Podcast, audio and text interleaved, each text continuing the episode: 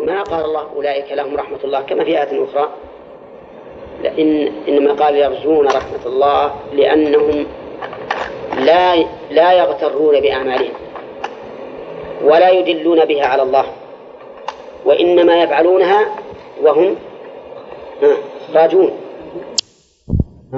راجون راجون لا أنهم معتمدون عليها متيقنون لثوابها. وقوله أولئك يرجون رحمة الله. هل المراد هنا بالرحمة؟ الرحمة التي هي صفته؟ أو المراد بالرحمة ما كان من آثار رحمة الله وهو الثواب؟ ها؟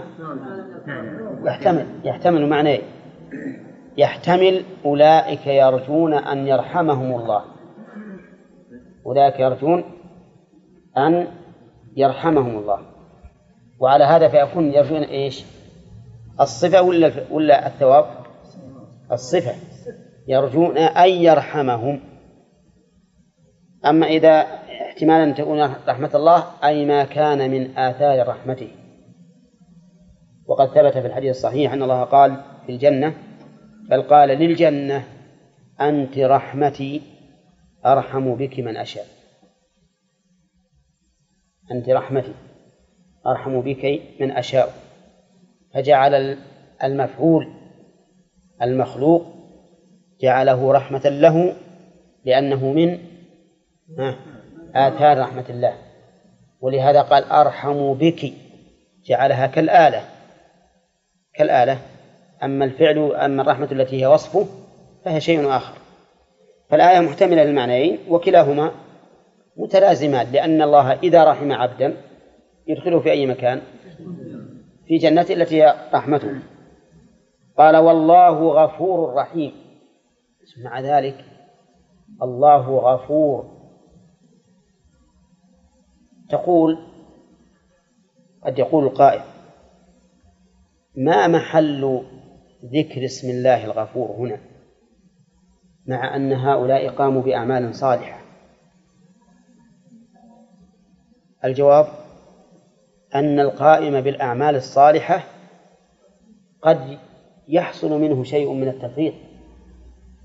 ولهذا نحن إذا سلمنا من الصلاة ونحن نناجي الله في صلاتنا ماذا نقول أول ما نسلم؟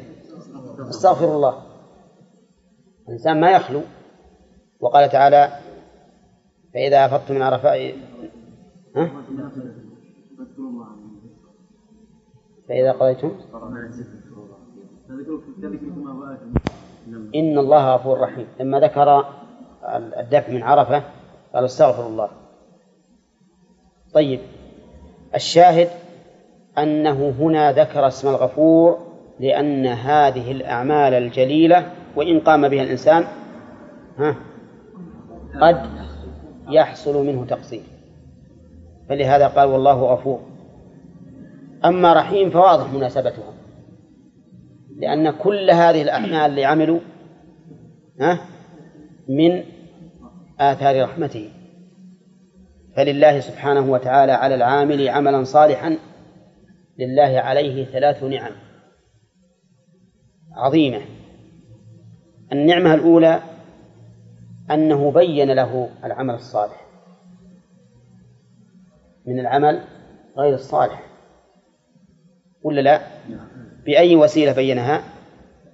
بما أنزله من الوحي على رسله. ما ظنك لو أن الناس بقوا عميا؟ ما يعرفون. فهذه نعمة من الله عز وجل أن الله تعالى أرسل إليك الرسل بل هي أفضل أعظم النعم يبينون لك. ثانيا نعمة ثانية عظيمة أن هداك لها. لأن الله تعالى أضل أمما عن الإسلام أضل أناسا أقوى منك ذكاء وأمضى منك عزيمة أضلهم عن الإسلام. وأنت هداك الله عز وجل هذه نعمة عظيمة. ثالثا أن الله رتب على ما أنعم به عليك من الهداية رتب لك الثواب الجزيل. رتب لك الثواب الجزيل. ولهذا كل هذا من مقتضى رحمته سبحانه وتعالى. ومع هذا فالله عز وجل الذي أنعم علي علينا بهذه النعم يقول هل جزاء الإحسان إلا الإحسان؟ سبحان الله. أنت المحسن علينا. أولا وآخرا ثم تقول ما جزاء إحسانكم إلا أن أحسن إليكم. هل جزاء الإحسان العمل؟ إلا الإحسان الثواب. وهذا مما يدلك على كمال رحمة الله عز وجل بالخلق أنه ينعم ثم يشكر المنعم عليه. نعم. إن هذا كان لكم جزاء وكان سعيكم مشكورا. سبحان الله ما أعظم الله عز وجل. ينعم ويثيب ينعم بالهداية. بل ينعم بالبيان ثم بالهداية ثم بالثواب ثم يقول وكان سعيكم مشكورا. الله أكبر. نعم. كل هذه من مقتضيات رحمته جل وعلا. الإيمان والهجرة والجهاد كلها من مقتضى رحمته. لولا رحمة الله ما حصل هذا لمن آمن وهاجر وجاهد. ونرجع الآن إلى استنباط الفوائد من الآيات السابقة. حتى نكمل إن شاء الله الثمن يكون مراجعة في الدرس القادم. نعم. إذا قلنا أن المعنى يرجون أولئك أصحاب النار. جملة مستقلة. هم فيها خالدون جملة مستقلة. مبتدأ خبر لا بين ارتباط إن هذه إن هذه مبنية على هذه فقط. لا لا عربيه لا. والله تعالى يسألونك عن الشهر الحرام قتال فيه. من فوائد الآية الكريمة أن الرسول عليه الصلاة والسلام هو مرجع الصحابة في العلم. بقوله يسألونك. ومن فوائدها أن الرسول عليه الصلاة والسلام لا يعلم كل الأحكام بل لا يعلم إلا ما علمه الله. ولهذا أجاب الله عن هذا السؤال. قل قتال فيه كبير. ومن فوائد الآية الكريمة اهتمام الصحابة رضي الله عنهم بما يقع منهم من المخالفة وأنهم يندمون ويسألون عن حالهم في هذه المخالفة. لقوله يسألونك. لأنهم سألوا الرسول لما قاتلوا وصار الكفار يعيبونهم. نعم. صار صاروا يسألون. ومن فوائد الآية الكريمة أن القتال في الشهر الحرام من كبائر الذنوب. بقوله قل قتال فيه كبير. وهذه الآية الكريمة اختلف فيها أهل العلم. هل هي منسوخة أو محكمة؟ فذهب أكثر أهل العلم إلى أنها منسوخة وأن القتال في الأشهر الحرم كان محرما ثم نسخ. نعم. ولكن القول الثاني أنه لم أن الآية محكمة. وأن القتال في الأشهر الحرم ليس حرام آه ليس جائزا. بل إنه محرم. دليل القائلين بأنه منسوخ. قوله تعالى وقاتلوا المشركين كافة. يا أيها النبي جاهد الكفار والمنافقين واغلظ عليهم. وما أشبه ذلك. من العمومات الدالة على وجوب القتال قتال الكفار ومن أدلتهم أن الرسول عليه الصلاة والسلام قاتل ثقيفا متى؟ في ذي القعدة في شهر محرم ومنها أن غزوة تبوك متى كانت؟ في محرم ولا في رجب؟ في رجب وهو شهر حرام ولكن الذي يظهر لي أن القتال في الأشهر الحرم باق باق وأن لا محكمة ويجاب عن أدلة القائلين بالنسخ بأن الآيات العامة الآيات العامة كغيرها من النصوص العامة التي تخصص ولا لا؟ اقتلوا المشركين. جاهدوا الكفار. عام.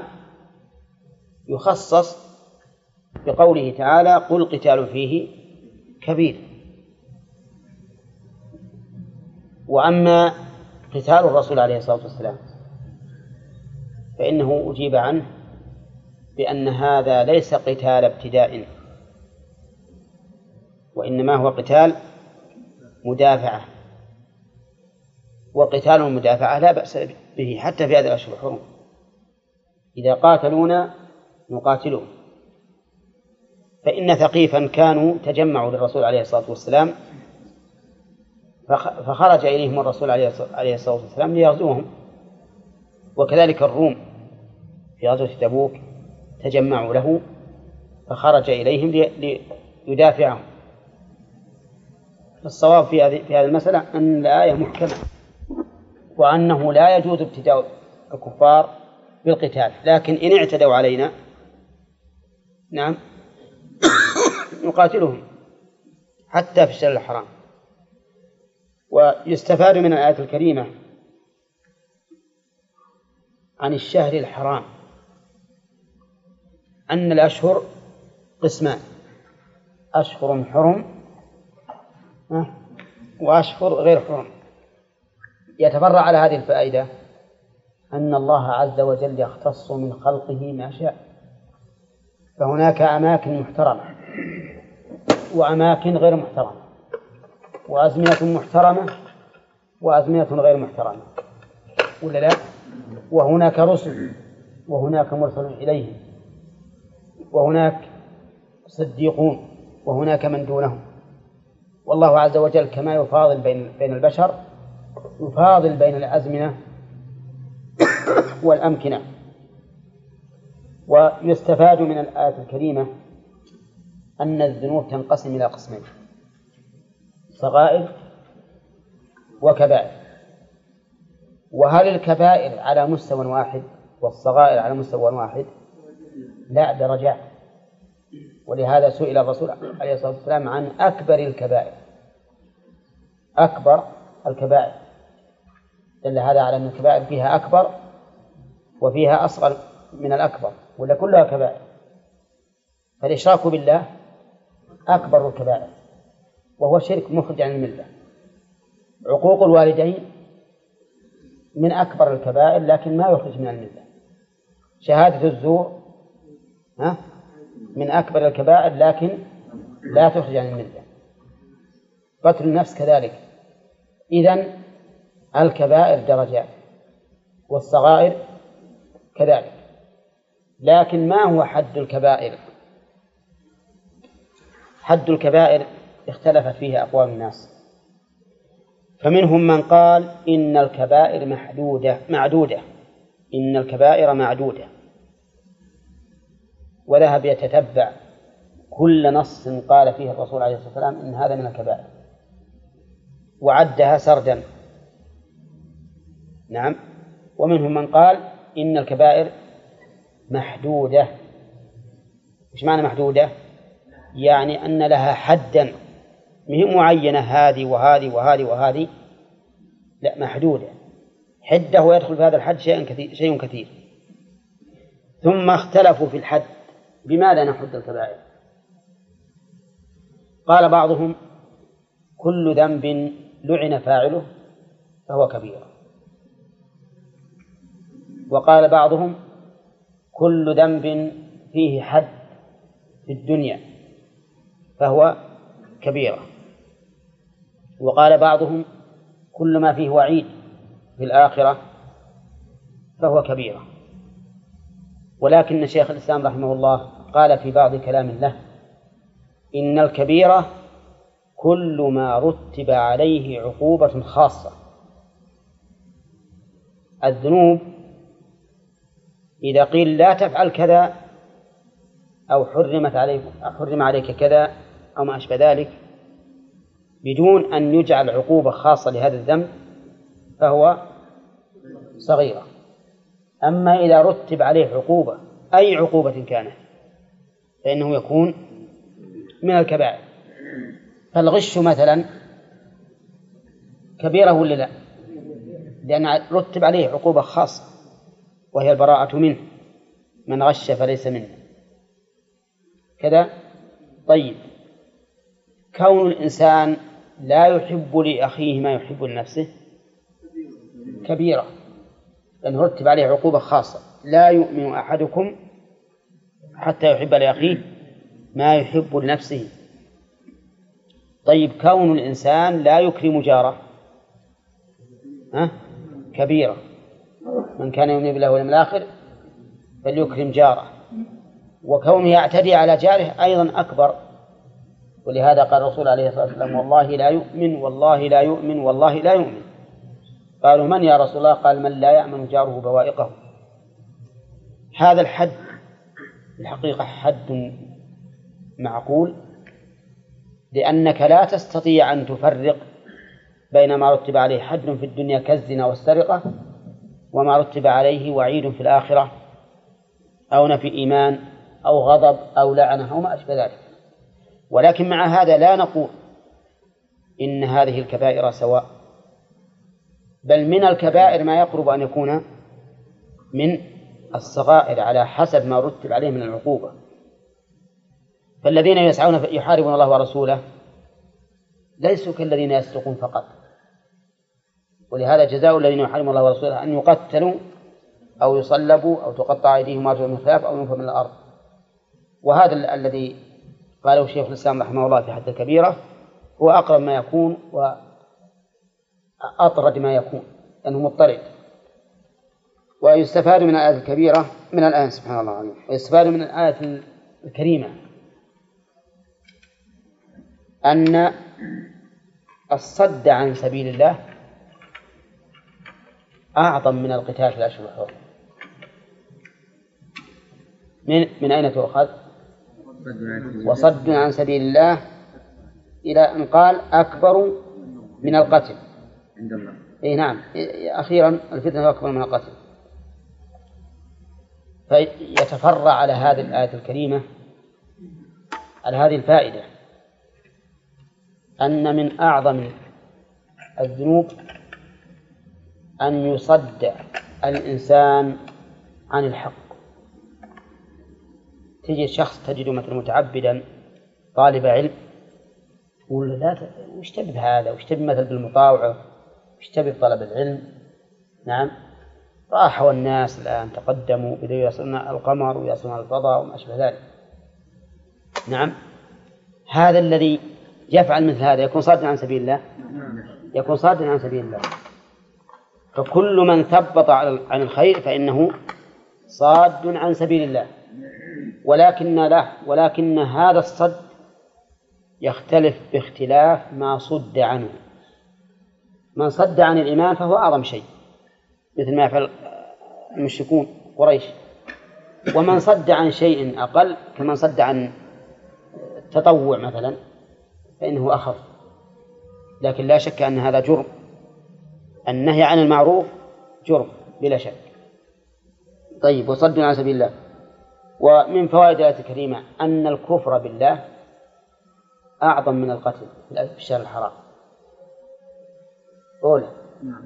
لقوله وكفر به, وكفر به والمسجد الحرام إلى آخره. ويستفاد من الآية الكريمة عظم الصد عن المسجد الحرام. عظم الصد عن المسجد الحرام فهل يستفاد منه أنه لا يجوز أن يمنع الناس من الحج ولا لا؟ نعم ها؟ يستفاد منه أنه لا يجوز منع الناس من الحج لكن لو قال ولي الأمر أنا لا أمنعهم لكنني أنظمهم لأن الناس يقتل بعضهم بعضا لو اجتمعوا جميعا فهل نقول إن هذا من باب السياسة الجائزة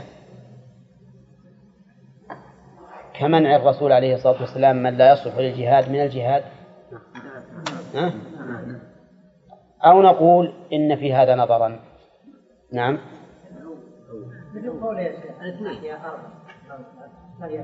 أي على كل حال المسألة هذه يعني تحتاج إلى نظر بعيد.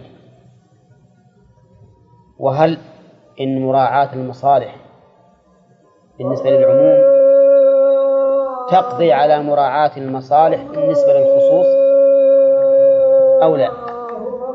نعم. مبتدأ الدرس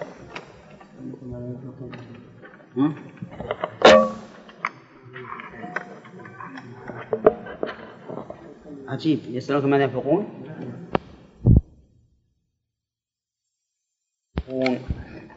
تستفيد فوائد.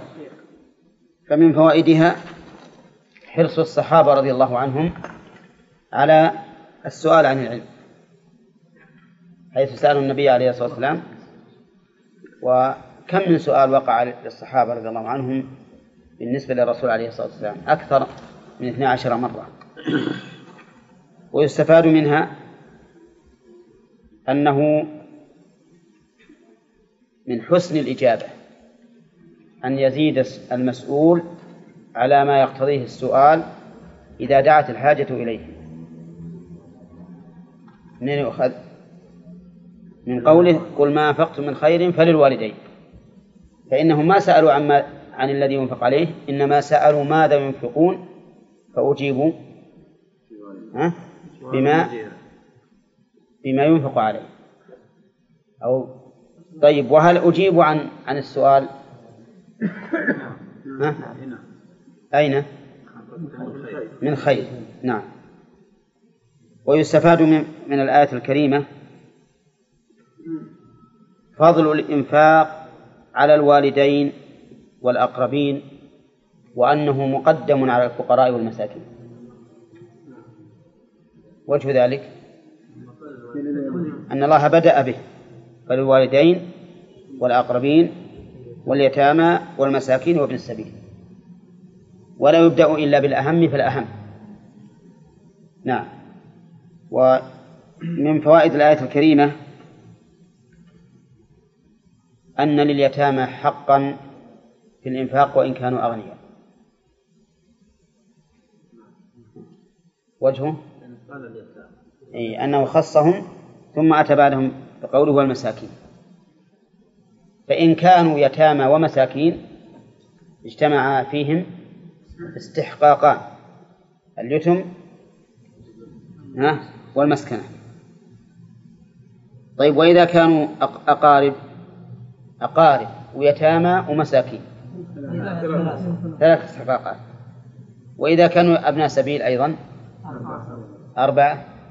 يمكن اليتيم يصير ابن سبيل؟ يمكن. يسافر به. نعم. طيب. ويستفاد من الآية الكريمة عموم علم الله. وما تنفقوا من خير فإن الله به عليم. وما تفعلوا من خير فإن الله به عليم. ويستفاد منها أيضا أن كل فعل خير سواء كان إنفاقا ماليا أو عملا بدنيا أو تعليم علم أو جهادا في سبيل الله أو غير ذلك فإن الله تعالى يعلمه وسيجازي عليه. نعم لقوله وما تفعلوا من خير فإن من خير نكرة في سياق في سياق في سياق الشرط ما تفعلوا فتكون للعموم لأن النكرة في طيب متى تكون نكرة للعموم إذا كانت في سياق النفي. إيش بعد؟ أو النهي أو الشرط أو الاستفهام الإنكاري. كقول هل تحس منهم من أحد؟ هل تحس منهم من أحد؟ في هذه الأربعة تكون للعموم. أما في مقام الإثبات كما لو قلت اضرب رجلا فهي للإطلاق وليست للعموم. للإطلاق وليست للعموم. ما الفرق بين الإطلاق وبين العموم الفرق أن الإطلاق عمومه بدلي. والعموم عمومه شمولي. كلام باللغة غير العربية. ها؟ واضح؟ بالعربية لكن غير مفهوم. طيب. أقول الفرق بين الإطلاق والعموم؟ أن الإطلاق عمومه بدلي والعموم عمومه شمولي. واضح؟ التفصيل. طيب. عمومه بدلي بمعنى أنه يشمل جميع الأفراد على سبيل البدل. يعني واحد منها يكفي عن الجميع. هذا المعنى. عمومه بدلي أنه يشمل جميع الأفراد على سبيل البدل أي أن واحدا منها يكفي عن الجميع. وأما العام فعمومه شمولي بمعنى أنه يتناول جميع الأفراد على سبيل التعيين مو على سبيل البدل. فإذا قلت مثلا أكرم الطلبة يشمل الجميع لازم كلهم تكرمهم إذا قلت أكرم طالبا يكفي واحد لكن مو على سبيل التعيين على سبيل البدل ولا لا؟ إذا أكرمت أول واحد أو آخر واحد أو من بينهما كفى فهمتم؟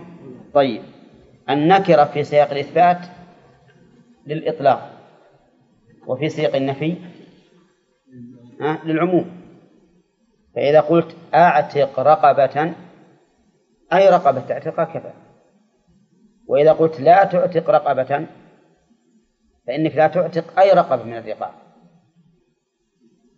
تمام؟ طيب. ويستفاد من الآية الكريمة أنه ينبغي للإنسان أن لا يحقر من المعروف شيئا. لقوله وما تفعلوا من خير. ما تفعلوا من خير كان الله به عليم.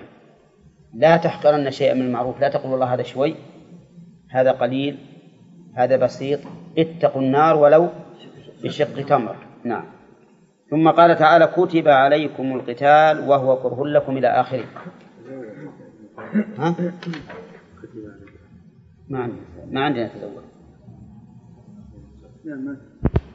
طيب يقول آه، كتب عليكم القتال إلى آخره. يستفاد من الآية الكريمة فرضية الجهاد. لقوله كتب بمعنى فرض. ويستفاد من الآية الكريمة أنه لا حرج على الإنسان إذا إذا كره الشيء المكتوب عليه لا كراهة من حيث أمر الشارع به ولكن من حيث طبيعته. بقوله وهو كره لكم. لكن من حيث أمر الشارع به وش الواجب؟ ها؟ الواجب الرضا. الرضا وانشراح الصدر به. ويستفاد من الآية الكريمة أن البشر لا يعلم لا يعلمون الغيب.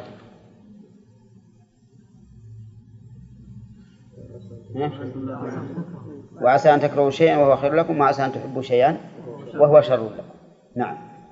ويستفاد من الآية الكريمة أن الله عز وجل قد يحكم حكما شرعيا أو كونيا على العبد بما يكره وهو خير له. قد يصاب الإنسان بمصيبة وتكون خيرا له. نعم. افرض مثلا أن أنك مسافر وحصل على السيارة عطل تكره هذا ولا تحبه؟ ها؟ تكرهه. لكن تبين لك أن أمامك بنحو أميال والطاعة طريق. والطاعة طريق. وصار هذا التعطل؟ صار خيرا لك. ما تدري. فقد يقدر الله الشيء على الإنسان وهو يكرهه ويكون خيرا له. ولهذا لا ينبغي أن تكره. نعم ويستفاد من الآية الكريمة عموم علم الله عز وجل بقوله والله يعلم لكن من أين نأخذ العم من أين نأخذ العموم؟ لا لا لا لا كيف؟ لا لا كيف نأخذ العموم؟ ها؟ أيوه في المضارع ما يدل على العموم. لا. لا. في المعمول. حذف المعمول يفيد العموم. وذي ما قاعدة مرت علينا من قبل. حذف المعمول يفيد العموم. أولا ألم يجدك يتيما فآوى ووجدك ضالا فهدى ووجدك عائلا فأغنى. كلها محذوفة المفاعيل آواك وآوى بك أيضا. ووجدك ضالا فهدى. هداك أنت ولا هدى بك أيضا؟ هداك وهدى بك. ووجدك عائلا فأغنى.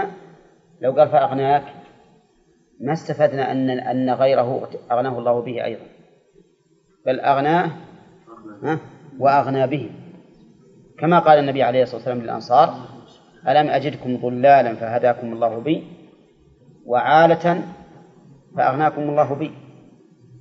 إذن نأخذ العموم من قوله والله يعلم. ها؟ وش طريق العلم به؟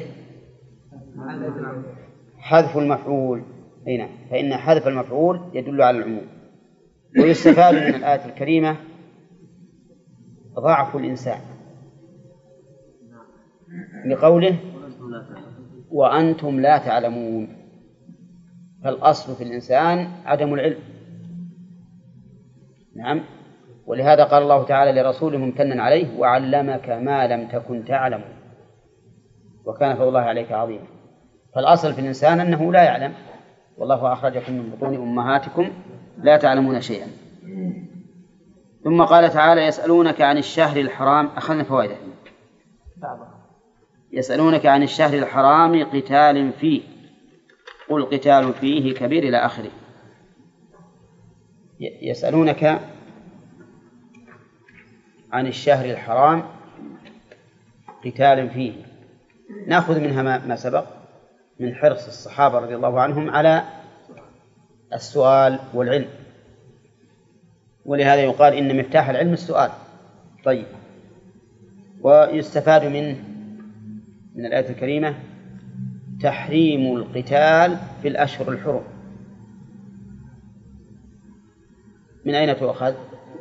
من قوله قل قتال فيه كبير يعني من كبائر الذنوب. والأشهر الحرم أربعة وأظنها معروفة لكم. نعم.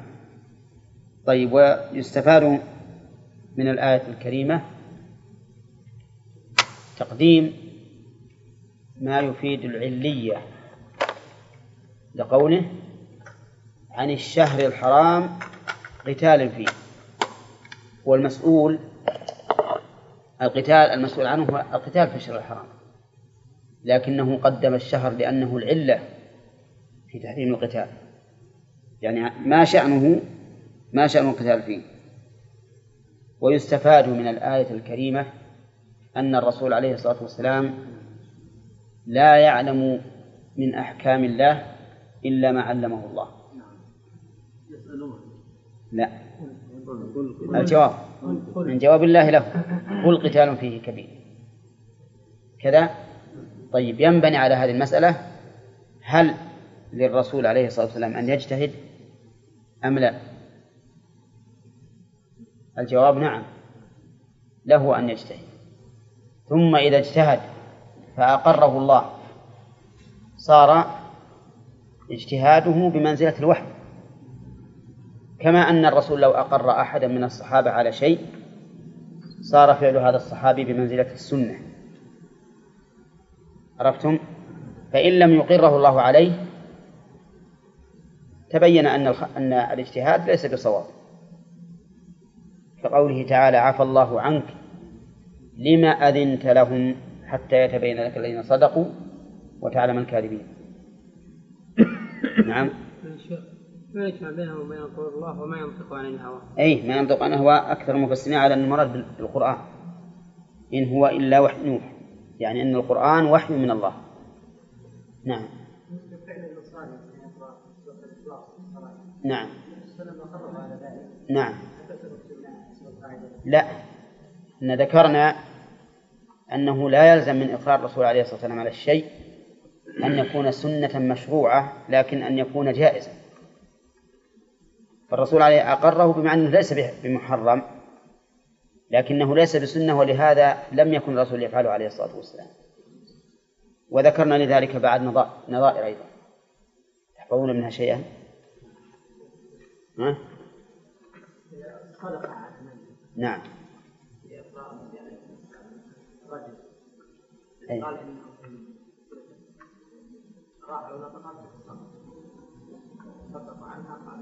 نعم. فهذا جائز وليس بمشروع. لا يشرع لكل إنسان مات له ميتا أن يتصدق عنه. نعم.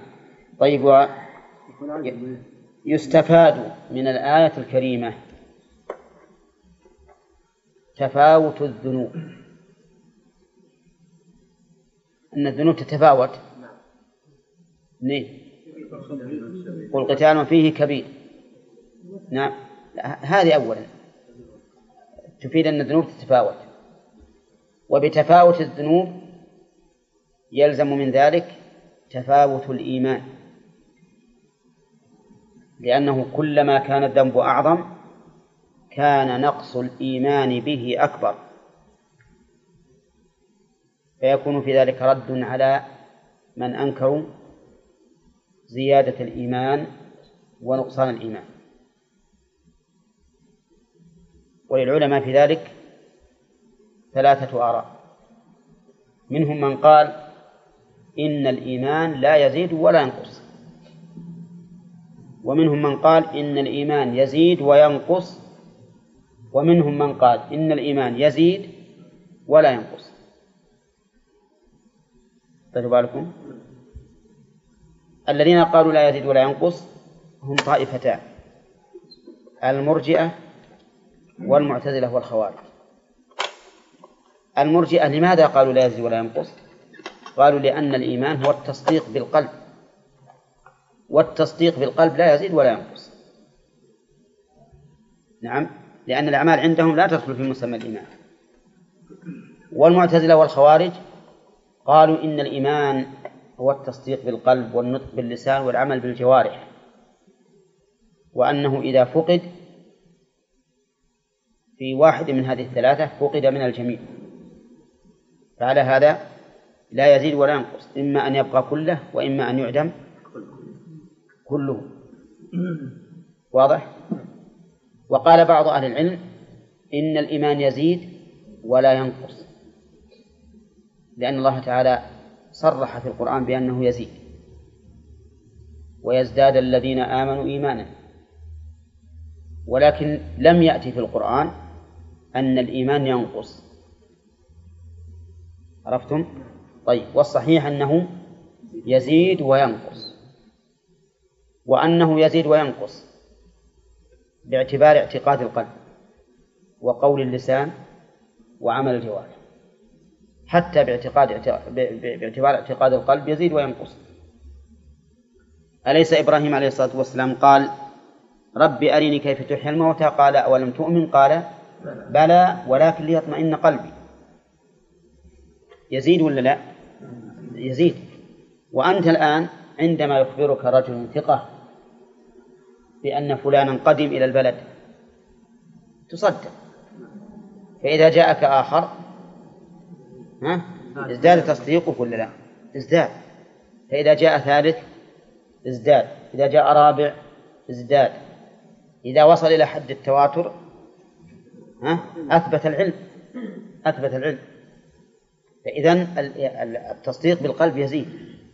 حتى نفس الشخص يجد في بعض الأحيان في بعض الساعات يجد في قلبه إيمانا راسخا كأنما يشاهد العرش. وكأنما يرى الله عز وجل كما قال الرسول أن تعبد الله كأنك تراه. وأحيانا ها يغفل ويهبط هبوطا كاملا أو كثيرا إيمانه. أما أما زيادة الإيمان باعتبار أقوال اللسان فحدث ولا حرج. فالذي يسبح الله مئة مرة ليس كالذي يسبحه عشر مرات. أيهم أزيد؟ مئة مرة. وكما أنه يختلف بالكمية يختلف أيضا بالكيفية. فالعبادة المبنية على الإخلاص وتمام الاتباع ليست كالعبادة الناقصة في الإخلاص وتمام الاتباع. وكذلك في الجوارح عمل الجوارح يختلف. فالذي يصلي أربع ركعات مو ليس كالذي يصلي ثمان ركعات. واضح؟ طيب إذا يزيد بالق... يزيد ولا في الاعتقاد والقول ها والعمل الفعل. والذين قالوا يزيد ولا ينقص نقول لهم سبحان الله. نرد عليهم من وجهين. أولا أن الرسول أثبت النقص. فقال ما رأيت من ناقصات عقل ودين. أذهب للب الرجل الحازم من إحداكن. ثانيا نقول إذا ثبتت الزيادة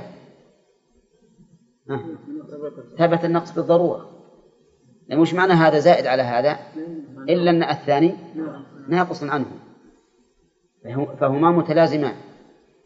متى ثبتت الزيادة ثبت النقص.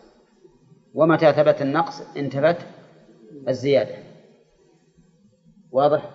فالصواب إذن أنه يزيد وينقص باعتبار إقرار القلب ونطق اللسان وعمل الجوارح. وهذا أمر مسلم. وهو, وهو معلوم بالضرورة من تفاوت الكبائر أو تفاوت الذنوب ومن تفاوت الأعمال الصالحة أيضا فإن تفاوت العمل يستلزم تفاوت العامل. نعم. يصح أن نقول إيه. علماء. كيف؟ إيه علماء لكنهم ما نقول عبد ضلال وهم ضلال هذا شيء ثاني. لكن نقول علماء. هم علماء الملة. شيخ الإسلام رحمه الله يقول في في فتوى الحموية انقسم أهل القبلة في مسائل الصفات إلى ستة فرق وعد منهم الجهمية والمعطلة لأنهم ينتسبون للإسلام ويعدون من الفرق الإسلامية لكنها مخالفة. هنا. نعم. لا شك إن بعض البدع تكفر كفر. لكن الشخص بعينه لا يحتاج إلى إلى أن تقوم عليه الحجة. شيخ. نعم. في من يقول أن إيمان الملائكة لا يزيد ولا ينقص. نعم. إيمان الأنبياء يزيد ولا ينقص. نعم. وإيمان العوام الناس يزيد وينقص. إيه، لا هذا غلط. خلاص غلط. نحن نقول الإيمان من حيث هو إيمان. من حيث هو إيمان يزيد وينقص. بقطع النظر عن كون عن المتصف به. والأنبياء عليهم الصلاة والسلام قد يفعلون بعض الأشياء التي يظلمون فيها أنفسهم. هذا آدم كما قال عز وجل عنه وعصى آدم ربه فغوى ثم اجتباه ربه. وهذا موسى قتل نفسا بغير حق وأشياء كثيرة. ولكنهم يرجعون إلى الله عز وجل ويتوبون ويكون بعد التوبة خيرا منهم قبله. نعم. ها؟ قول يعني خطأ. إي نعم خطأ. نعم. لكن الملائكة شيخ ما لا يعصون الله ما أمرهم ويفعلون ما يؤمرون. إي نعم. ما نستطيع نقول شيء ما نقول شيء. نتوقف عنه ما نقول. نقول الإيمان من حيث هو إيمان يزيد وينقص.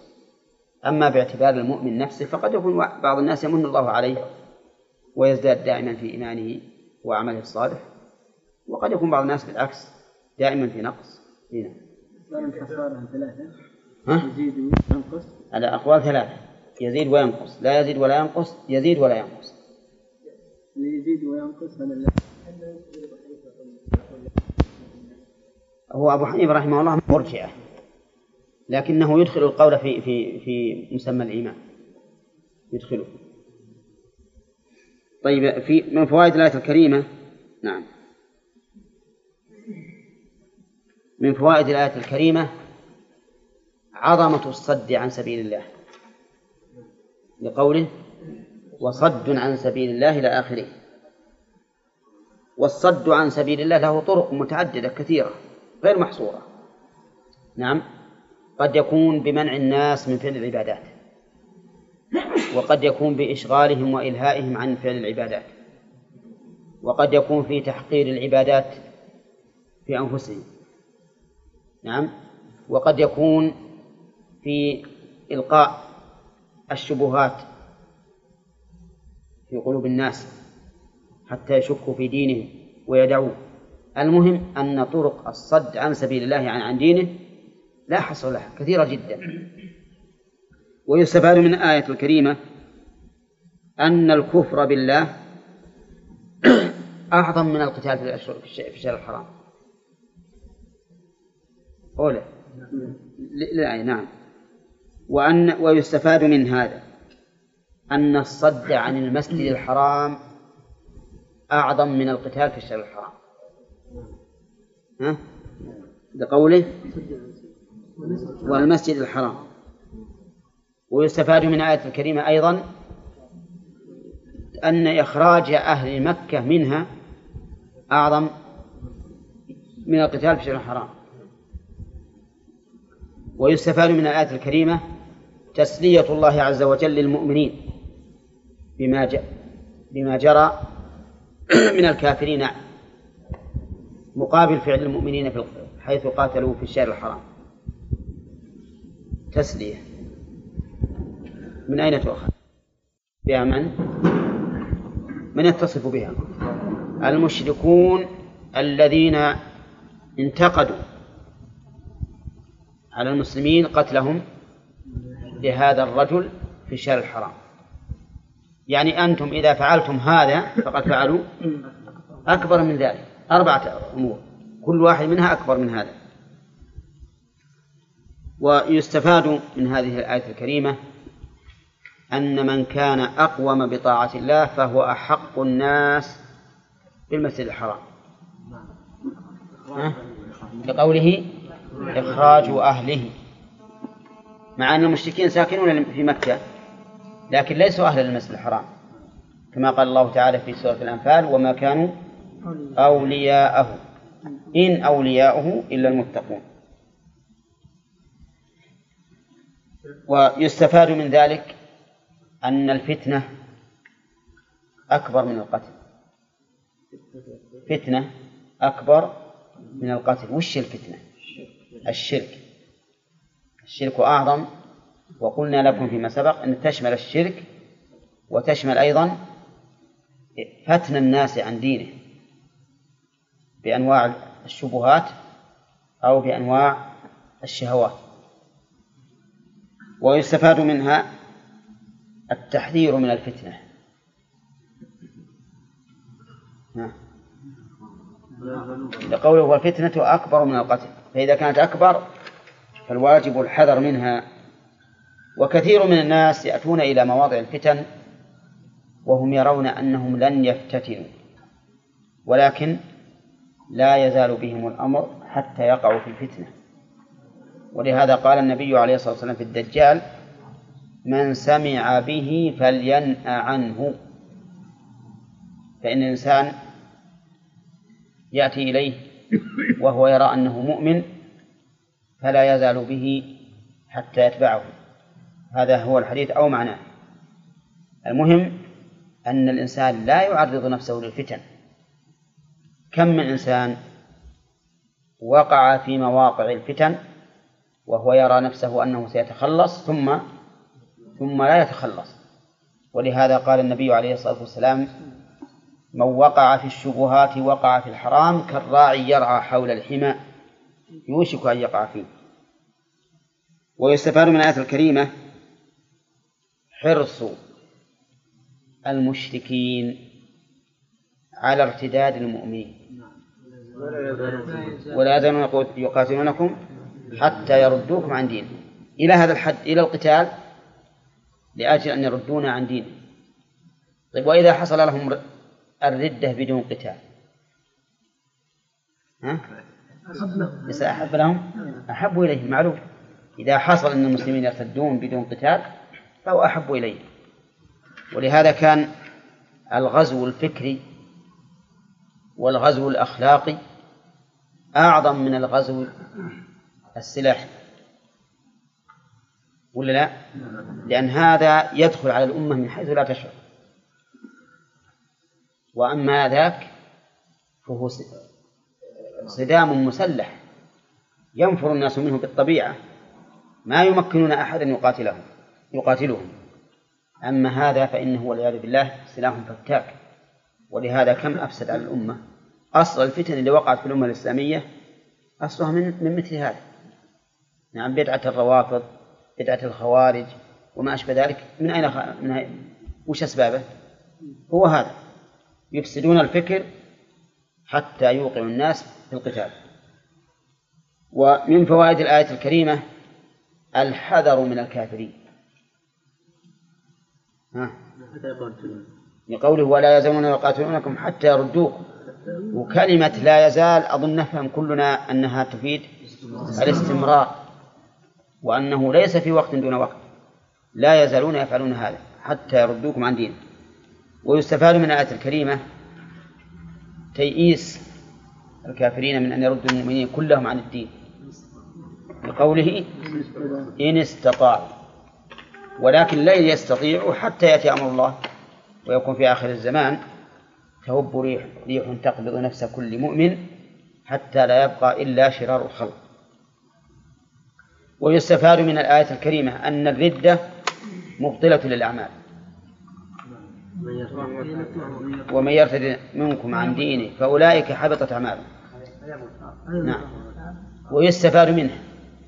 أنها لا تبطل العمل إلا إذا مات على الكفر. لقوله فيموت وهو كافر. وعلى هذا فنقول لو أن أحدا ارتد والعياذ بالله ارتد عن الإسلام بدأ ما يصلي ترك الصلاة نهائيا. ثم هداه الله ورجع إلى الإسلام وصار يصلي. فهل أعماله السابقة ترجع؟ ولا تذهب؟ ترجع. لأن الله عز وجل اشترط أن يموت وهو على كفره. طيب لو كان صحابيا هل ترجع صحبته؟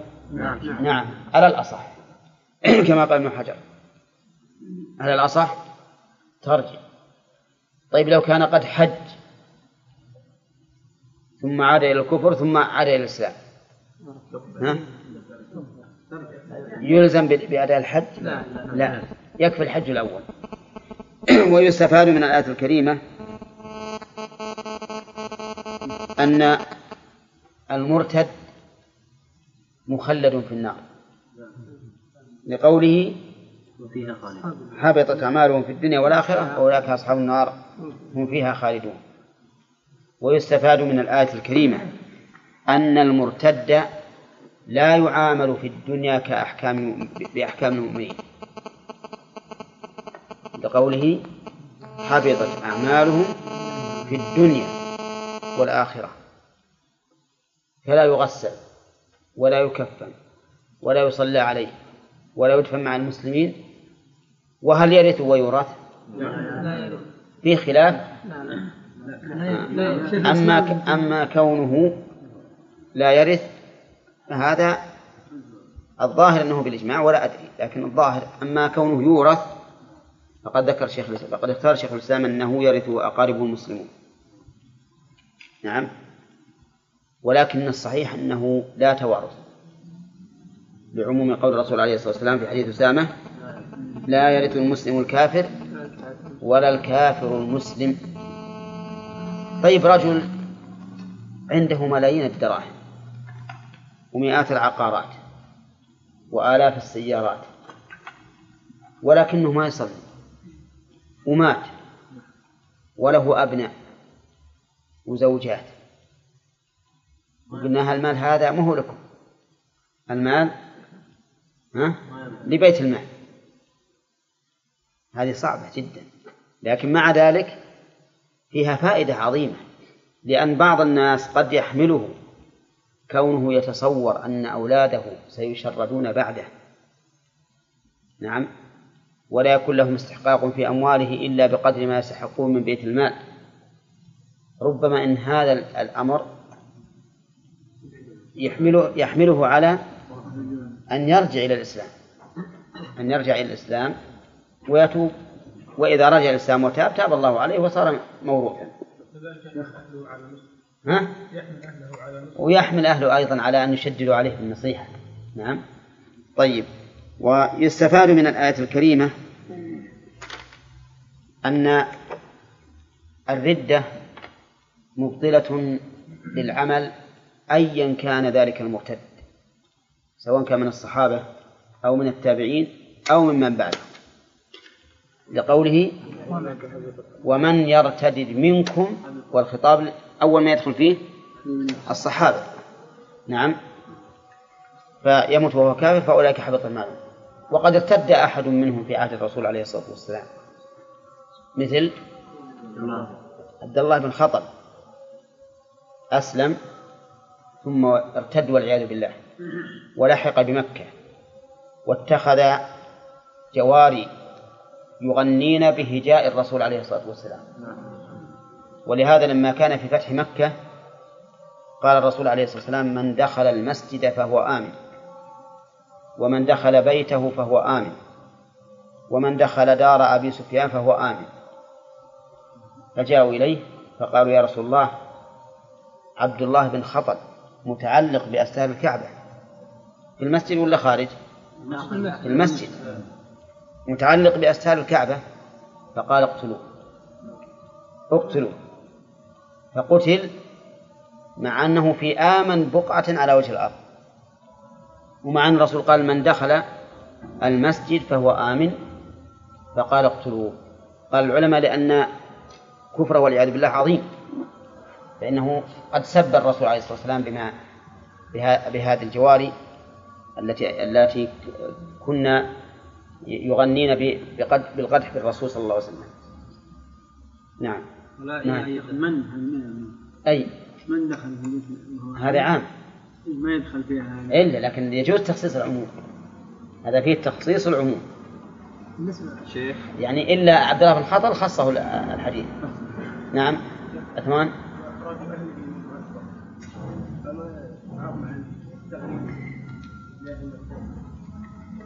لا هذا شرعي. التغريب الزاني هذا شرعي. شيء. أقول قصة ابن خطل هذه ما تأيد كلام شيخ الإسلام لأنه يقول أن سب الرسول الله بالمكتب أي إن لا يستدل بها عليه. نعم. اي لكن بعد ما ما قتل تاب وبقي الشرك هذا ما يحبط العمل؟ ها؟ الشرك ما يحبط العمل؟ الشرك؟ إيه. إذا مات. إذا مات على الكفر حبط عنه. طيب الساحر يعني إذا راح الساحر هو حاجز في الحج صدق هذا الساحر. من يقول؟ ها؟ يعطي الحج إن اعتقد أنه يعلم الغيب صار كافرا. لأنه ما يعلم الغيب إلا الله عز وجل. نعم. وإذا كفر فمات على كفره وانتهى تاب الله عليه. يعني الحج لو انه مشرك حجه هذا ما هو ما يعيده كيف لو أنه مشرك؟ وشلون ارتد يعني من هذا. لو ارتد بعد الحج إيه. ثم عاد إلى الإسلام إيه. إيه، ما ما يعيد الحج. إذا كان حج واسلم إيه. ثم أسلم. هو أسلم ما مات. إيه. هو حج. إيه. هذا حج. ما يبطل الحج لا ما شيخ لا لا ما اشترك في الحج. لا يا. اشترك بعد. بعد الحج. هنا يعني ارتد بعد الحج. يقول إذا إذا إذا لم يمت على الكفر فهو صحيح. يعني فلا يبطل عنه نعم. طيب قوله من أتى كاهنا أو عراف نعم. هل يقول لا تقبل الصلاة 40 يوم؟ هذا من هذاك فسأله طيب إذا فسأله. مجرد سؤاله ما تقبل له صلاة أربعين يوم. طيب إذا حج في الأربعين اليوم هذه تقبل ولا ما؟ تقبل. تقبل. ها؟ تقبل. والصلاة ما تقبل. لا هو الصلاة تقبل لكن معنى لا تقبل مو معنى لا تبرأ بها الذمة. الذمة تبرأ بها لكن معناها أن معناه أن سوء عمله هذا يقابل يقابل أجر الصلاة. فكأنه لم يصلي. ولا بالاتفاق أن أن صلاته تصح. نعم. بقى آية ها؟ بقي آية. نعم. الذين آمنوا والذين هاجروا جاهدوا في سبيل الله أولئك يرجون رحمة الله. يستفاد من الآية الكريمة فضيلة الإيمان والهجرة. لقوله إن الذين آمنوا والذين هاجروا أولئك يرجون رحمة الله. نعم وجاهدوا ويستفاد منه أن الجهاد دون مرتبة الهجرة. من أين يؤخذ؟ آه. لأنه قال الذين آمنوا والذين هاجروا. وجاهدوا فجعل الجهاد معطوفا على الهجرة. ولم يجعله له اسما موصولا مستقلا. ويستفاد من ذلك مراعاة الإخلاص في الهجرة والجهاد. لقوله في سبيل الله أولئك يرجون رحمة الله. وأما بدون بدون إخلاص فإنه هجرته لما هاجر إليه. ويستفاد من من الآية الكريمة أنه لا ينبغي للإنسان أن يكون جازما بقبول عمله بل يكون راجيا راجيا. ولكنه يرجو رجاء يصل به إلى حسن الظن بالله عز وجل.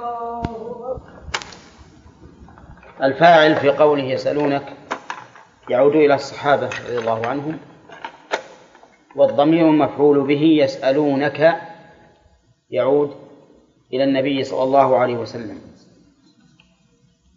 وقد أنزل الله تعالى في الخمر أربع آيات. آية تبيحه وآية تعرض بتحريمه وآية تمنعه في وقت من الأوقات وآية تمنعه دائما. أما الآية التي تبيحه فهي قوله تعالى ومن ثمرات النخيل والأعناب تتخذون منه سكرا ورزقا حسنا. وأما الآية التي تعرض به أي بالتحريم فهذه الآية التي معنا. وأما الآية التي تمنعه في وقت دون آخر فآية النساء. يا أيها الذين آمنوا لا تقربوا الصلاة وأنتم سكارى. وأما الآية التي تمنعه مطلقا فآية المائدة التي نزلت في السنة الثامنة من الهجرة. فيكون تحريم الخمر تحريما باتا متأخرا إلى السنة الثامنة من الهجرة. وقول يسألونك سبب سؤالهم هو أن الإنسان العاقل إذا رأى ما يترتب على الخمر والميسر من المضار التي تخالف الفطرة فلا بد أن يكون عنده إشكال في ذلك. ولهذا سألوا النبي عليه الصلاة والسلام عنه عن حكمهما لا عن عن معناهما لأن المعنى معلوم. لكن عن الحكم. وقد سبق لنا أن الصحابة رضي الله عنهم سألوا النبي عليه الصلاة والسلام أسئلة كثيرة لكن في القرآن كم سؤالا سألوا الرسول؟ نعم. اثنا عشر أو ثلاثة عشر. المع- المع- المعروف أنه اثنا عشر سؤال. وعلى الأخ خالد أنه يقيم الدليل على ما قال. وقول يسألونك عن الخمر الخمر من أين هو مشتق؟ قيل إنه مشتق من خمرته أخمره إذا غطيته فهو من التغطية. وقيل إنه مشتق من خامره يخامره إذا خالطه. والصحيح أنه مشتق من الأمرين جميعا. وذلك لأن الخمر يخالط العقل ويغطي العقل أيضا. فهو يخالطه ثم بعد ذلك يغطيه حتى يلحق صاحبه بالمجانين الذين لا عقول لهم. ثم ما هو الخمر؟ هل الخمر ما أسكر من نبيذ العنب فقط أو الخمر ما أسكر من أي شيء كان. الصواب أن الخمر ما أسكر من أي شيء كان. ولا نقول إن هذا من باب الاصطلاح الفقهي بل هو من باب المعنى اللغوي. والدليل على ذلك أن النبي صلى الله عليه وسلم وهو أفصح العرب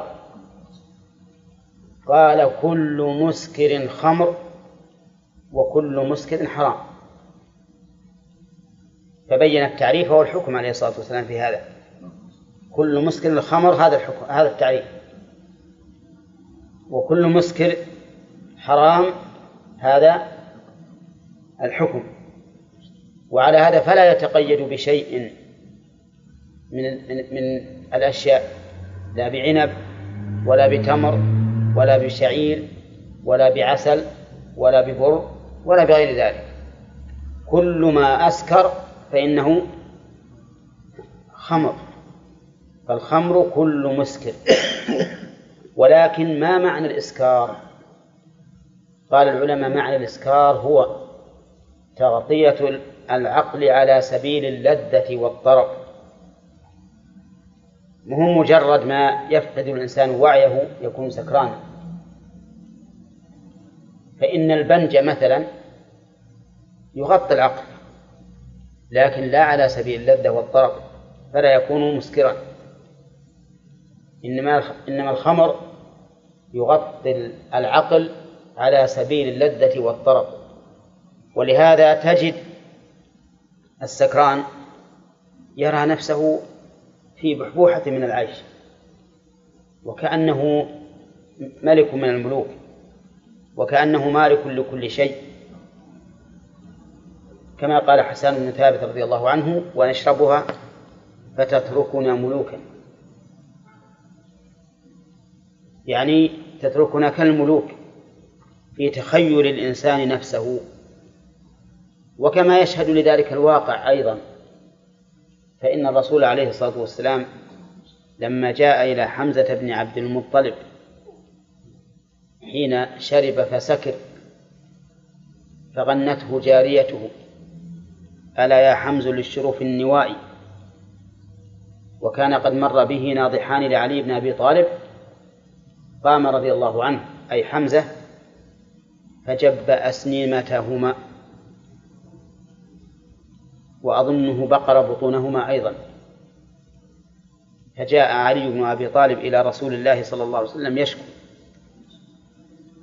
فلما أقبل النبي عليه الصلاة والسلام إلى حمزة وجده قد ثمن ولم يصحو بعد.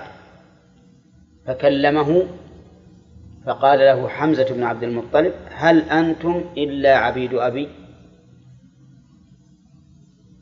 هذا يدل على أن عنده في تلك الساعة نشوة وطرب وعلو وارتفاع. ولهذا قال هل أنتم إلا عبيد أبي؟ هذا هو الخمر وهذا هو اشتقاقه. أما حكمه فإن فإنه سيبين في هذه الآية. وقوله الميسر الميسر قيل إنه مأخوذ من اليسر وقيل مأخوذ من الإيسار والمادة كما تشاهدون تشتمل على الياء والسين والراء.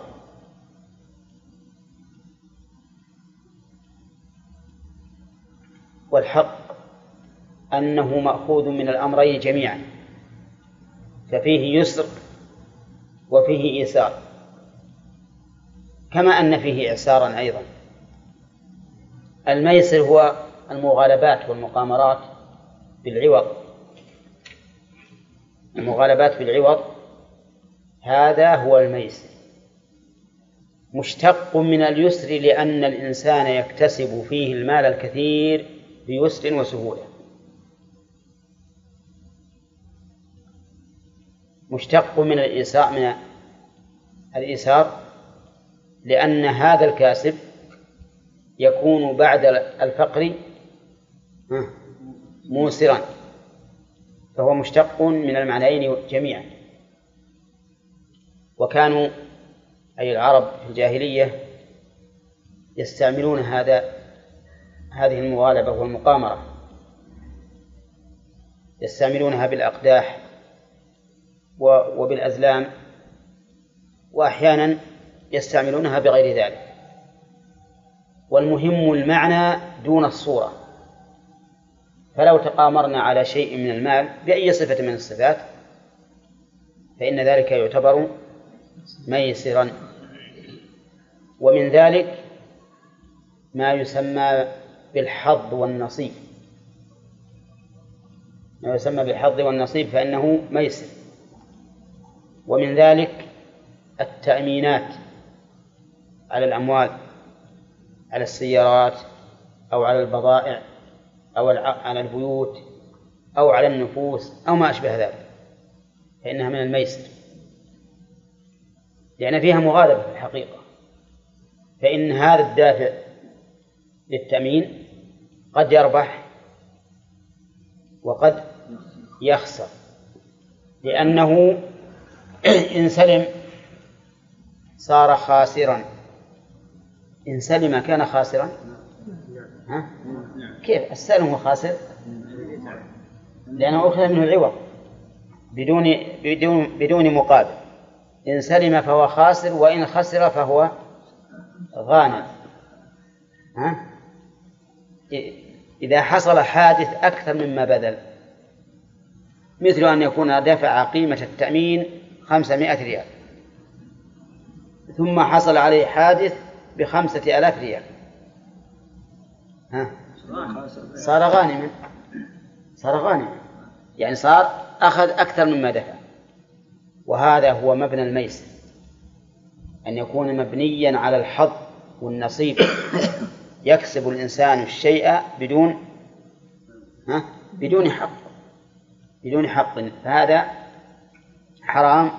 سيأتي الحكم إن شاء الله تعالى. نعم. ها؟ إيه والمراهنة منها من الميسر. لو قال أنا أقول كذا وكذا فقال الثاني أنا أقول كذا وكذا. قال يلا. اللي يغلب منا عليك كذا وكذا. هذا منه. وسيأتينا إن شاء الله في الفوائد أن الشرع استثنى من ذلك ثلاثة أمور وهي النصل والخف والحافظ. قال الله تعالى في الجواب قل يعني قل للسائلين. أو قل لجميع الناس؟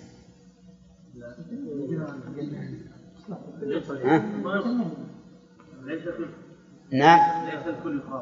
نعم. قل فيهما إثم كبير. يعني قل لجميع الأمة كما قال قل للمؤمنين يغضوا من أبصارهم مثلا. وهنا يمكن أن نأخذ قاعدة وهي أنه قد يكون الجواب أعم من الس... يعني معناه الجواب موجها إلى أكثر من السائل. كما قالوا في الحكم إن العبرة بماذا؟ بعموم اللفظ لا بخصوص السبب.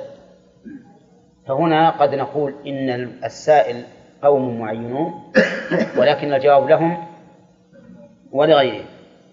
قل فيهما إثم كبير ومنافع للناس. وفي قراءة إثم كثير. فيهما إثم كثير. فيهما ألف- أي في الخمر والميسر. إثم ما هو الإثم؟ الإثم هو العقوبة. أو ما كان سببا للعقوبة. قال الله تعالى ولا, ولا تعاونوا على الإثم والعدوان. ويقال فلان آثم يعني مستحق للعقوبة. وقول فيهما إثم كبير والقراءة الأخرى كثير. الفرق بينهما أن الكبر يعود إلى الكيفية والكثرة تعود إلى الكمية. فالمعنى أن فيهما إثما كثيرا بحسب ما يتعامل بهما الإنسان. والإنسان مبتلى بذلك والعياذ بالله ما يكاد يفلت منه وهذا يستلزم تعدد الفعل منه.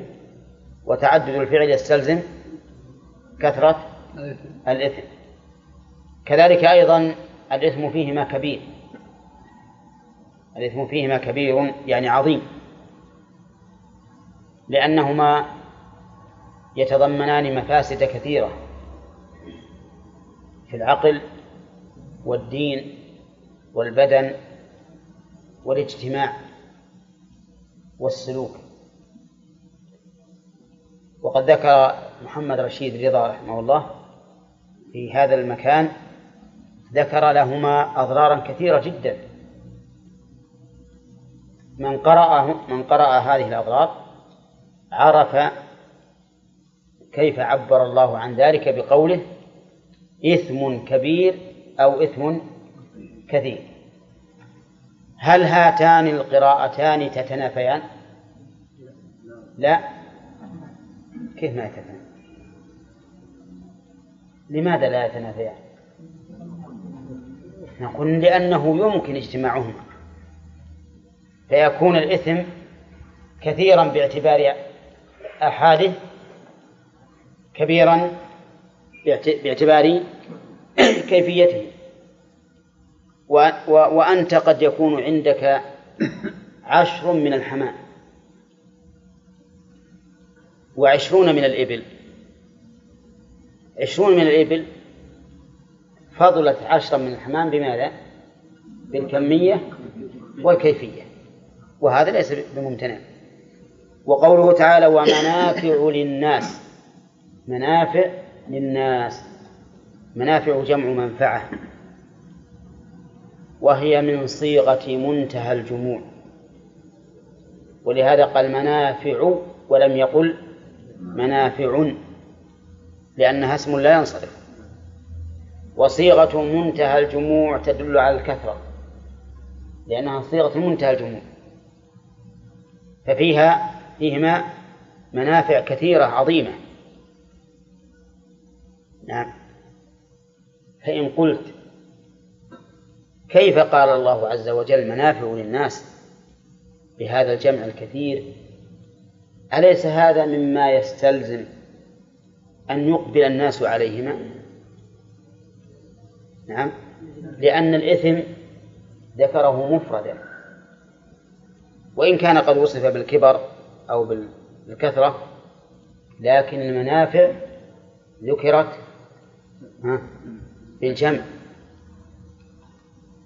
قلنا هذا قد يتبادر إلى أذهان بعض الناس ولكن فيها بلاغة عظيمة.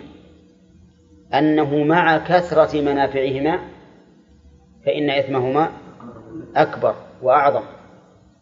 يعني لو كان منفعة واحدة قلنا ممكن يكون الإثم أكبر. لكن حتى وإن تعددت المنافع وكثرت فإن الإثم أكبر وأعظم. ولهذا قال إثمهما أكبر من نفعهما. إثمهما أكبر من نفعهما. وإن كان هناك منافع كثيرة. ما هذه المنافع؟ من المنافع في الخمر الطرب. والفرح وإن كان فرحا يعقبه غم. لكن في تلك اللحظة يفرح الإنسان ويطرب نعم وربما ينشرح صدره. ومنها أنهم ذكروا أنه قد يكون سببا لهضم الطعام ومنها أنه يتجر به فيكون مصدر مصدرا اقتصاديا. وكذلك بالنسبة للميسر إذا كسب الإنسان مليونا وقد دخل بعشرة ريالات. وش يكون؟ يفرح؟ ها؟ يفرح. وإن كان فرح بما يضره المهم إنه ينتفع بذلك. كان بالأول ما عنده إلا 200 ريال ودخل حلبة القمار فكسب مليون ريال. يروح يشيل فلة ويأخذ السيارة. نعم. ويأخذ له زوجة مثلا ويأخذ له أشياء من زهرة الدنيا. هذه هذه منفعة في في نظره ففيه منافع فيهما منافع. وتأمل قوله منافع للناس ولم يقل منافع للمؤمنين. لأن هذه المنافع منافع مادية بحتة. تصلح للناس من حيث هم أناس. وليست منافع ذات خير ينتفع بها المؤمنون وإنما هي منافع للناس من حيث هم أناس. ومنافع للناس طيب أين خبر المبتدأ في قوله منافع للناس؟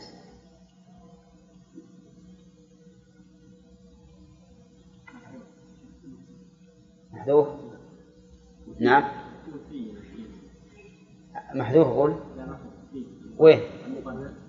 فيه من مقدم؟ ما هي فيه ما خبر لقوله؟ إثم. آه معطوف. صح. فأنت إذا قلت زيد وعمر قائمان فإن قائمان. خبر لهما. وإذا قلت زيد وعمر في البيت فإن في البيت خبر لهما. وإذا قلت في البيت زيد وعمر فإن في البيت خبرا لهما. فيهما إثم كبير ومنافع. الخبر فيهما مقدم. قال الله تعالى وإثمهما أكبر من نفعهما. إثمهما يعني ما يترتب عليهما من العقوبة أكبر من نفعهما. لماذا؟ لأن العقوبة في الأخرى. وأما النفع ففي الدنيا. والضرر في الغالب أعظم من النفع أثرا لأن النفع كمال. والضرر نقص. الكمال قد يستغنى عنه. لكن النقص متى تبني ما نقص ومن هدم. فلهذا قال الإثم أكبر لسببين السبب الأول أنه نقص أخروي أنه أخروي ها وربما يكون دنيوي أيضا ربما يكون دنيويا. والثاني ها أن النقص ثلم والمنفعة كمال تكميل وتتميم. فهذا والنقص إذا نقص الشيء متى عاد ينبني. وقول إثمهما أكبر من نفعهما حتى الإثم لو فرضنا أن النفع كثير فيهما يغطي على الضرر الدنيوي. فإننا نقول ها؟ الضرر الضرر الأخروي أشد. وتأمل قوله إثمهما أكبر من نفعهما. لما قال فيهما إثم كبير ومنافع للناس الآن نحتاج إلى المقارنة. لأنه صار لدينا صار لدينا شيئان إثم ومنافع. فأيهما نرجح؟ بين الله عز وجل الراجح. فقال إثمهما أكبر من نفعهما. حينئذ تبين أن تقابل هذين يقتضي أن نبتعد عن ما فيه أو عما فيهما من المنافع. ما دام الإثم أكبر من النفع. ولهذا انتهى كثير من الصحابة رضي الله عنهم عن الخمر والميسر حين نزلت هذه الآية. فقالوا ما دام الإثم أكبر من النفع فلماذا نفعله؟ ولكن هذا لا يقتضي التحريم وإنما يقتضي عرض المسألة للعاقل. والعاقل ماذا يرجح؟ ها؟ لا. ما نفتح منافع يرجح ترك الإثم. نعم. قال وإثم أكبر من ويسألونك ماذا ينفقون؟ السؤالان في آية في آية واحدة. ويسألونك ماذا ينفقون؟ السؤال هنا يتعدى إلى مفعول واحد ولا إلى مفعولين؟ تقدم لنا أنه إذا كان السؤال بمعنى طلب المال فإنه يتعدى إلى مفعولين. أولى من سأل الله شيئا أعطاه. شف. الله هذا هو الأول وشيئا هو الثاني. هذا إذا كان السؤال طلب مال. أما إذا كان السؤال استفهاما فإنه يتعدى إلى مفعول واحد وإلى الثاني بحرف عن ها؟ إلى الثاني بحرف عن طيب وش تقول؟ تقول سألته عن كذا يسألونك عن الخمر يسألونك عن الساعة يسألونك عن المحيط وما أشبه ذلك. يكون ينصب إيش؟ مفعول واحد ويتعدى الثاني بعن وربما يستغنى عن الثاني بجملة استفهامية كما في الآية التي معنا. يسألونك ماذا ينفقون؟ والفرق بين تعديه إلى جملة استفهامية وتعديه إلى المفعول الثاني بحرف الجر.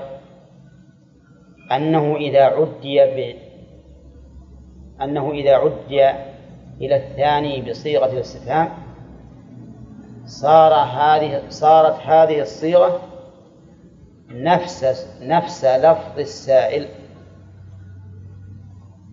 تكون هي لفظ السائل بعينه وإذا تعدى بعن فقد تكون هي لفظ السائل بعينه وقد تكون غير ذلك. لكن إذا جاءت بصيغة الاستفهام فهي تكون هي لفظ السائل بعينه. كأنهم قالوا ماذا ننفق يا رسول الله؟ ماذا ننفق؟ فقال الله يسألونك ماذا ينفقون؟ يعني يقولون ماذا ينفقون. عرفتم؟ طيب. وقوله ماذا ينفقون تقدم لنا نظير لهذا التركيب. وبينا أنه يجوز فيه وجهان. أن تكون ما أو ماذا مفعولا مقدما. ليش؟ لكلمة ينفقون. تكون مفعولا مقدما لينفقون. والثاني أن تكون ما اسما اسم استفهام وذا اسما موصولا. فما على هذا التقدير؟ مبتدأ وذا خبر مبتدأ. وعلى هذا التقدير يحتاج أن يكون هناك ضمير عائد على الموصول وهو هنا محذوف. والتقدير ماذا ينفقونه؟ أي ما الذي ينفقونه عرفتم؟ إذا في إعرابها وجهان. الوجه الأول أن نجعل ماذا؟ مفعولا مقدما. أو ما وحدها وذا زائدة. مفعولا مقدما لينفقون. وحينئذ هل يحتاج ينفقون إلى مفعول؟ لا لأن مفعوله هو, هو هذا المتقدم. ما يحتاج إلى ضمير. والثاني أن نجعل ما اسم استفهام مبتدأ وذا اسما موصولا خبر. وجملة ينفقون صلة الموصول والعائد محذوف والتقدير ماذا ينفقونه. ويسألونك ماذا ينفقون. وقد مر علينا نظيرها بهذا اللفظ. في قوله تعالى يسألونك ماذا ينفقون قل ما أنفقتم من خير فللوالدين. قال الله تعالى ويسألونك ماذا ينفقون؟ قل العفو. قل العفو. العفو فيها قراءتان. النصب والرفع. فعلى فالرفع على تقدير ما اسما اسم استفهام مبتدأ. وذا اسما موصولا خبره ما الذي ينفقونه؟ الجواب العفو. يعني هو العفو. وأما النصب فعلى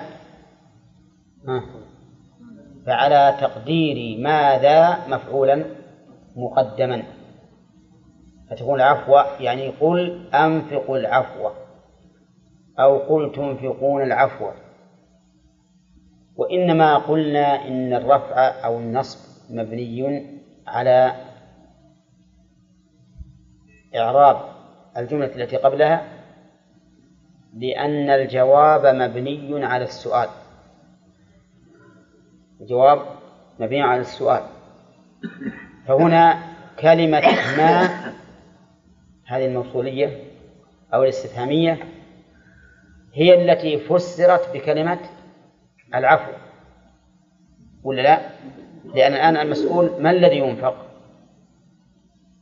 أجل العفو فإذا كانت تفسيرا لها فلها حكمها في الإعراب إن نصبت ماذا فانصب العفو وإن رفعت ماذا فارفع العفو وقولها العفو لا تظن أنه العفو عن عدوان عليك. بل المراد بالعفو الزائد الفاضل. يعني أنفقوا العفو أي ما زاد عن حاجتكم وضرورتكم. وذلك لأن العفو يراد به التجاوز أحيانا. كما في قوله تعالى فاعفوا واصفح. وقال وقوله فمن عفا وأصلح فأجره على الله. ويراد به الزيادة والفضل. كما في قوله تعالى خذ العفو وأمر بالعرف. يعني خذ ما فضل من الناس وما جاءوا به ولا تطلب كمال الحق. ومنه قوله عليه الصلاة والسلام أعفو اللحى.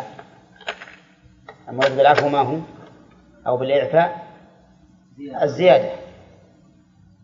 فقول قل العفو أي ما زاد عن حاجتكم. وأما ما كان ناقصا ما كان داخلا في الحاجة فلا تنفقوه. لأن الإنسان يبدأ بنفسه ثم بمن يعود فكونه يذهب يتصدق على أجنبي وأهله جياع هذا خلاف الحكمة وخلاف الشرع أيضا. وسبب ذلك أن بعض الناس يظنون أن إنفاقهم على